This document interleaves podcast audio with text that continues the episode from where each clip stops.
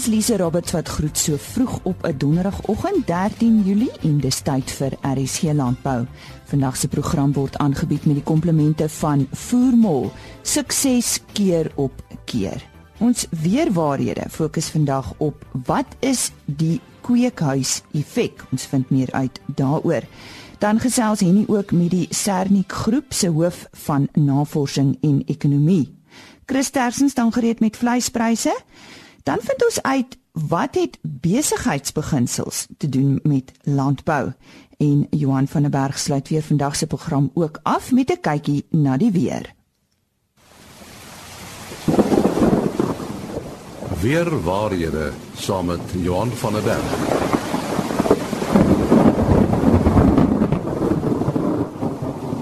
Johan, ons het al dikwels van die sogenaamde kweekhuis effek gehoor. Wat is dit eintlik? Gaan 'n bietjie langer verweier as dit begin uh, deur te sê ander planete in die aarde se sonstelsel het nie dieselfde atmosfeer as die aarde nie.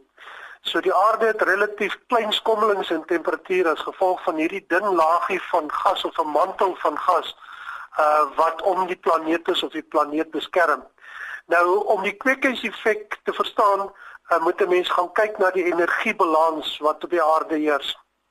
So die aarde ontvang groot hoeveelhede straling uh vanaf die son of hoofsaaklik vanaf die son en uh, die spektrum van lig uh word opgedeel in hoofsaaklik drie groepe dan of die eerste een is die ultraviolet wat 'n baie kort of kort golf is met baie hoë energie dan die sigbare gedeelte wat ons kan sien uh en dan die infrarooi gedeelte uh wat eintlik die langer golf is en wat minder energie het.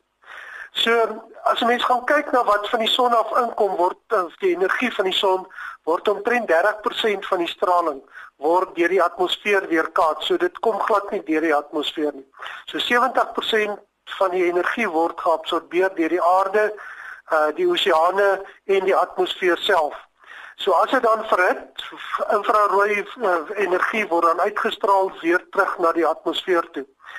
So die hierdie inkomende en uitgaande straling of energie uh wat omtrent in balans is, uh maak dat die aarde dan bewoonbaar is. Maar as daar 'n verstoring in hierdie voorkom, dan begin ons 'n probleem ervaar met globale verwarming en klimaatsverandering.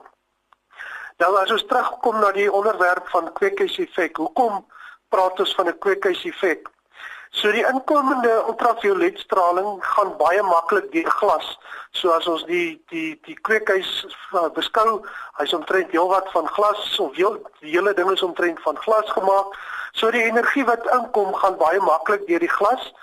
Maar dit verhit dan ook die, die binnengeste gedeelte van die van die kweekhuis, maar dan die infrarooi gedeelte uh, wat die hitte is, gaan dan moeiliker deur die glas weer terug. So dit word vasgevang binne in die huis en dit verwarm. Uh, of binne die kweekhuis dan. Dieselfde mens kan 'n voorbeeld van 'n motor beskou met twee vensters. Die hitte kom in, maar dit kan nie weer alles ontsnap nie en dan word daar van daar verwarming plaas. Ehm um, so gasmolekules uh, in die atmosfeer kan infrarooi energie absorbeer en as dit dan genoeg in die atmosfeer is, daar baie van hierdie gasmolekules so CO2 en ander gasse is uh dan word energie in die atmosfeer vasgevang en dit vorm vir ons 'n kombers. Uh en dit maak dat die energie, hierdie infrarooi energie of die die energie via die infrarooi gedeelte nie kan ontsnap nie. Die interessant dan die huidige koolstof en CO2 vlakke wat hoofsaaklik dan een van ons groot kweekhuisgasse is, was ongeveer 3 tot 5 miljoen jaar laas so hoog soos tans. Daai tyd was dit 'n uh, meer natuurlike proses wat plaasgevind het, maar tans is dit hoofsaaklik mensgemaakte aksies. Uh, alhoewel die sonenergie tans op ook op hoër vlakke is, so daar is ook 'n bietjie uh energieverskille ekstern. So kan hierdie goed omgekeer word, hierdie kweekhuiseffek. En een van die interessante besprekings is uh hoe meer hitte daar is, uh hoe meer energie is daar vir verdamping en hoe meer reën kan plaasvind en meer afkoeling kan ook plaasvind. So daar is ook meganismes om hierdie te te werk, maar teen die tempo wat dit tans is, lyk dit nie asof dit regtig waar uh teëgewerk word nie. Net interessant en laastens, uh, CO2 of koolstof is egter nie net negatief in die atmosfeer nie. Dit verhoog die energie in die atmosfeer, maar dit kan ook die plante se of plante se produktiwiteit verhoog, want dit is 'n bousteen van koolhidrate. So hier is 'n koolstofverryking wat oor tyd plaasvind en dit maak ook dat uh, die baie van ons plante uh, meer produktief is uh in terme of meer produksie kan lewer indien daar genoegsame water beskikbaar is. So kweekhuiseffek uh soos wat dit tans die hoeveelheid gasse wat in die atmosfeer vrygestel word, kan hierdie kweekhuiseffek verhoog. Uh en 'n mens sal moet sien waar tot waar dit gaan voor daar miskien 'n draaipunt bereik word. Ons sê Johan van der Berg van Santam Landbou en weer waarhede. Onthou weer waarhede elke donderdagoggend op RSG Landbou. En nou oor na Henny Maas en Philip Oosthuizen, hy's hoof van navorsing en ekonomie by die Sernik Groep. Nou, die van u uh, sal waarskynlik onthou dat ons met Philip gepraat het na aanleiding van 'n uh, 'n proef wat gedoen is en wat nou uh, al afgeloop het. Uh, vertel ons net Philip, uh, waaroor het die proef gegaan destyds? Nee, dankie. Ehm um, ja, ons het die proef in 2015 gedoen. Ehm um, so wat ons basies gedoen het, ons bietjie gaan kyk na voedselwinsgewendheid. Ehm um, as ons kyk na die hele waardeketting in die lewende havenbedryf of in die rooivleisbedryf althans, uh, dan is die voerkraal basies die, die skakel in die ketting wat wat baie keer ehm um, uh, minder winsgewend is en wat se winsgewendheid baie riskant is as gevolg van 'n verskeidenheid faktore.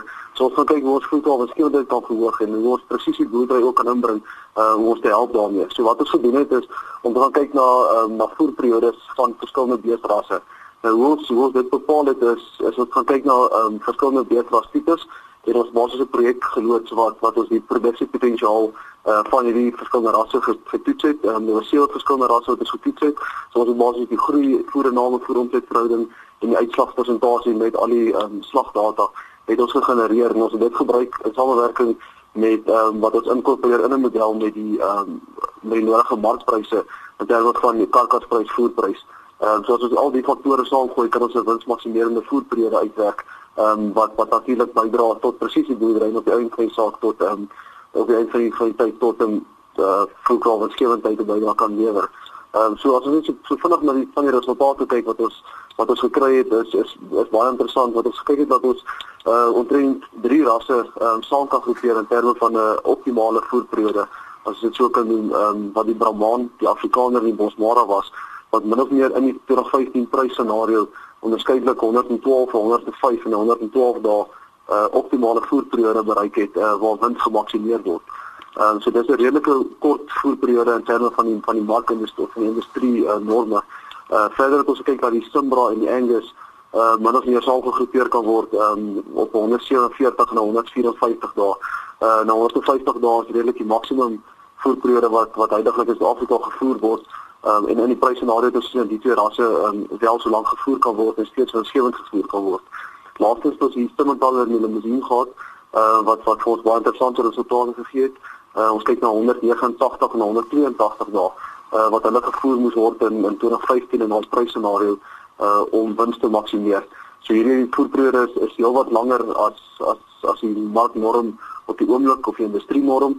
Ehm um, ons het ook gekyk dat dat ons nie oorspek karkas te kry nie. Um, gelukkig die Simmentaler in die limousine, die is laatryk ehm um, tipe rasse. So hulle um, sê die penering vind eers later plaas plaas in die voerperiode in terme van gewig en ouderdom. So die die twee faktore het eintlik lekker saamgespeel. Ons kan swaarder karkaste uit hierdie diere uit kry en ons kan langer voer op aan hulle en nog steeds winsgewend voer. Wat belangrik is te onthou dat ehm um, die voerperiodes ook wissel ehm um, gaan wissel wanneer die prysscenario ehm um, verskil. Uh so hierdie is slegs die data vir die vir die prysscenario wat ons in 2015 gehad het wat omtrent 280 per kilogram voer was. So ons het 'n paar interessante resultate gekry en ons is baie dankbaar vir almal wat wat deel was daarvan. As jy so vinnig kan opsom kan ons omtrent 'n bruto wins van van 6% addisioneel by 'n voerkraal en die mens nou um, hierdie produksiepotensiaal van die diere gebruik met jou markwaardes uh, om ook so winsgewendheid en presisie boerdery te bevorder. Ja, jy die woord gebruik presisie boerdery. Dit is eintlik die pad vorentoe, né? Nee? Ek dink verseker so. Ehm um, ek dink daar's daar's baie uitdagings uh, vir landbou in Suid-Afrika um, en en presisie boerdery is verseker 'n gedeelte of 'n konsep wat wat gebruik moet word um, um, om meer winsgewend te produseer en om volhoubaar te produseer. So ek dink verseker is 'n is 'n baie belangrike punt vir ons aanraking wat almal baie aandag moet gee. En en en uh, 'n uh, soortgelyke proef gaan julle verder met hierdie soort van projek? En ja, ons ons beplanning is is om in 2018 uh, volgende jaar uh, weer 'n soortgelyke projek te loods. Ehm um, daar kom 'n paar addisionele goede by. Ehm um, so die idee is weer om te kyk na verskillende rasse. Ons gaan uh, nog steeds die kernkonsep gaan steeds wees om ons maksimerende voerperiodes te bepaal. Ehm um, ons afgesien ons ook gesien dat wel verskille tussen rasse is, maar ons wel daarna kan kyk ehm um, wat dit 'n impak kan hê.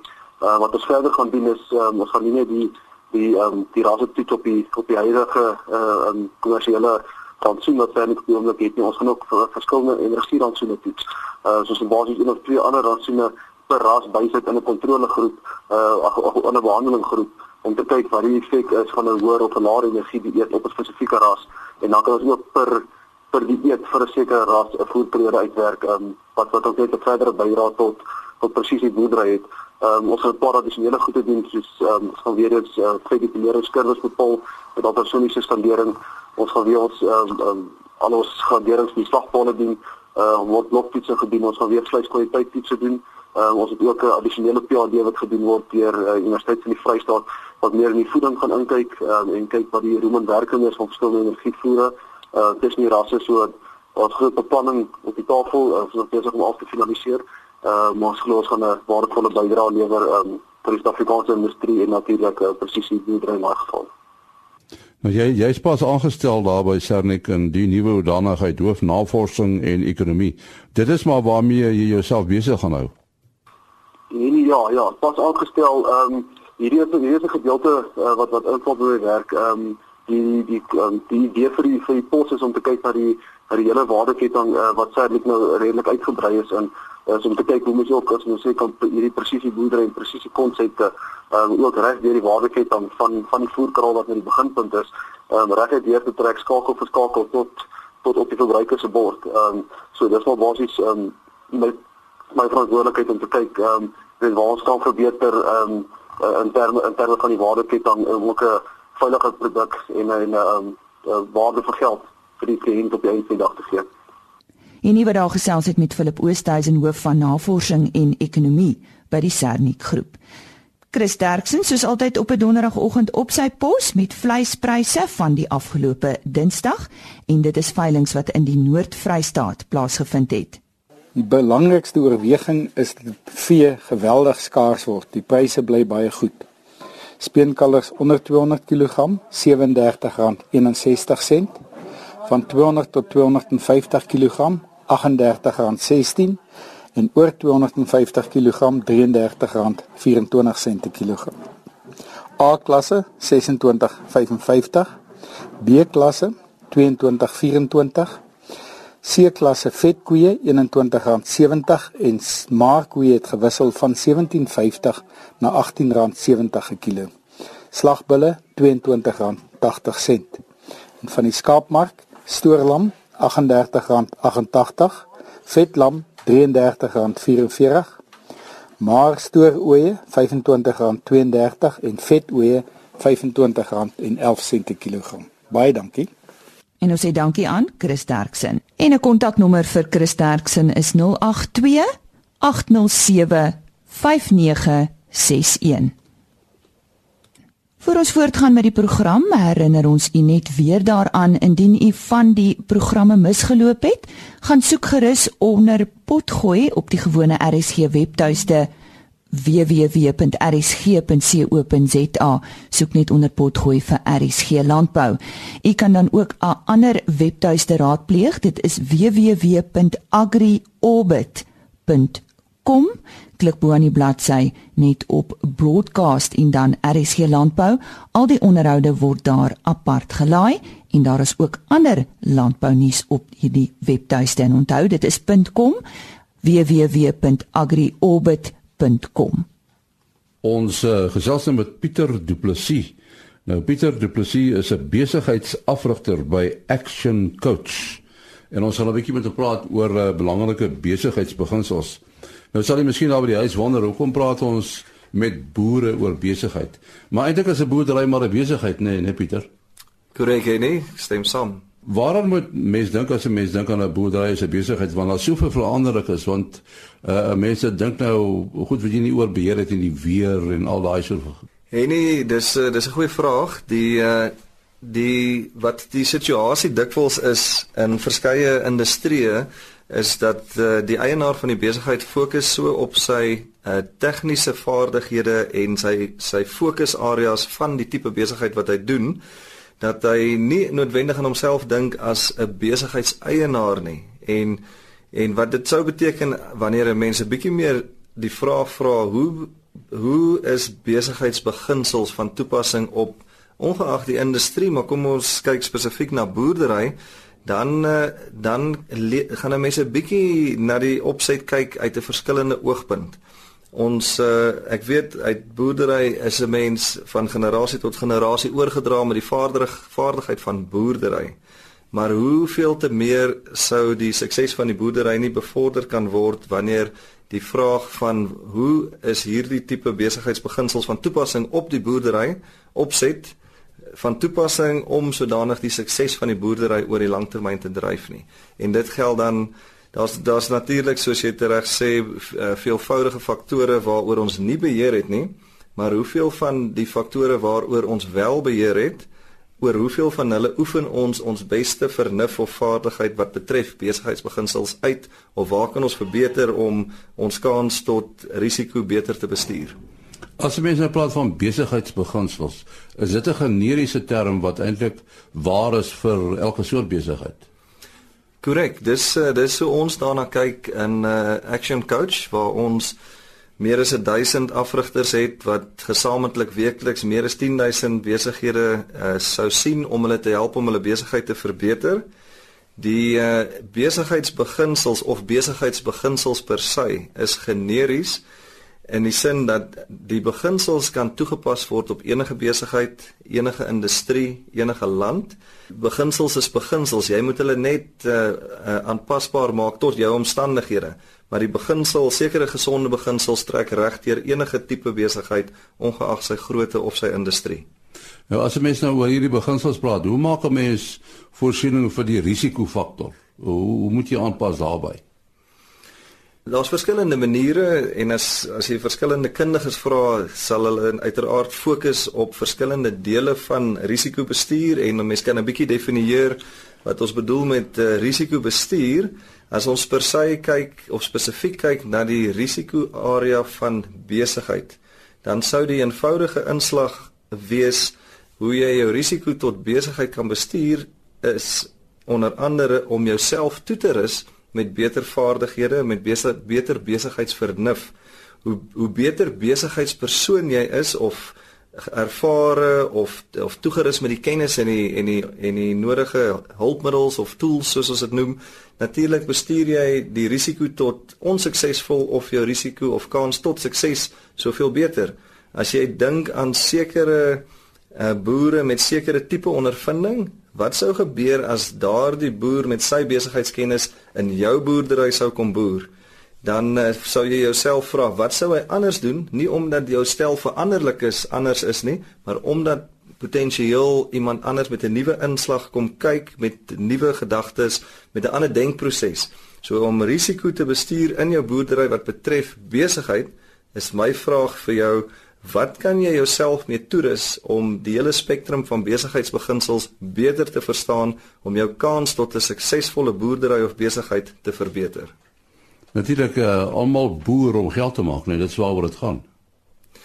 Uh die vraag is of almal al die geld maak wat hulle kan maak binne hulle ges, hulle gegeewe omstandighede en wat kan gedoen word om meer geld te maak met die veranderlikes wat jy moet bestuur en die veranderlikes wat jy nie oorbeheer het nie. En uh, ek glo ons almal se antwoord sal wees verseker kan ons meer geld maak met die omstandighede wat ons het. Die vraag is net hoe. Uh, baie boere sou vir jou sê, jy weet, uh, inherent weet hy hoe 'n besigheid uh, moet bestuur word. Jy weet, elke ou het 'n sogenaamde krop gevoel, 'n gut feel, maar jy formaliseer dit eintlik.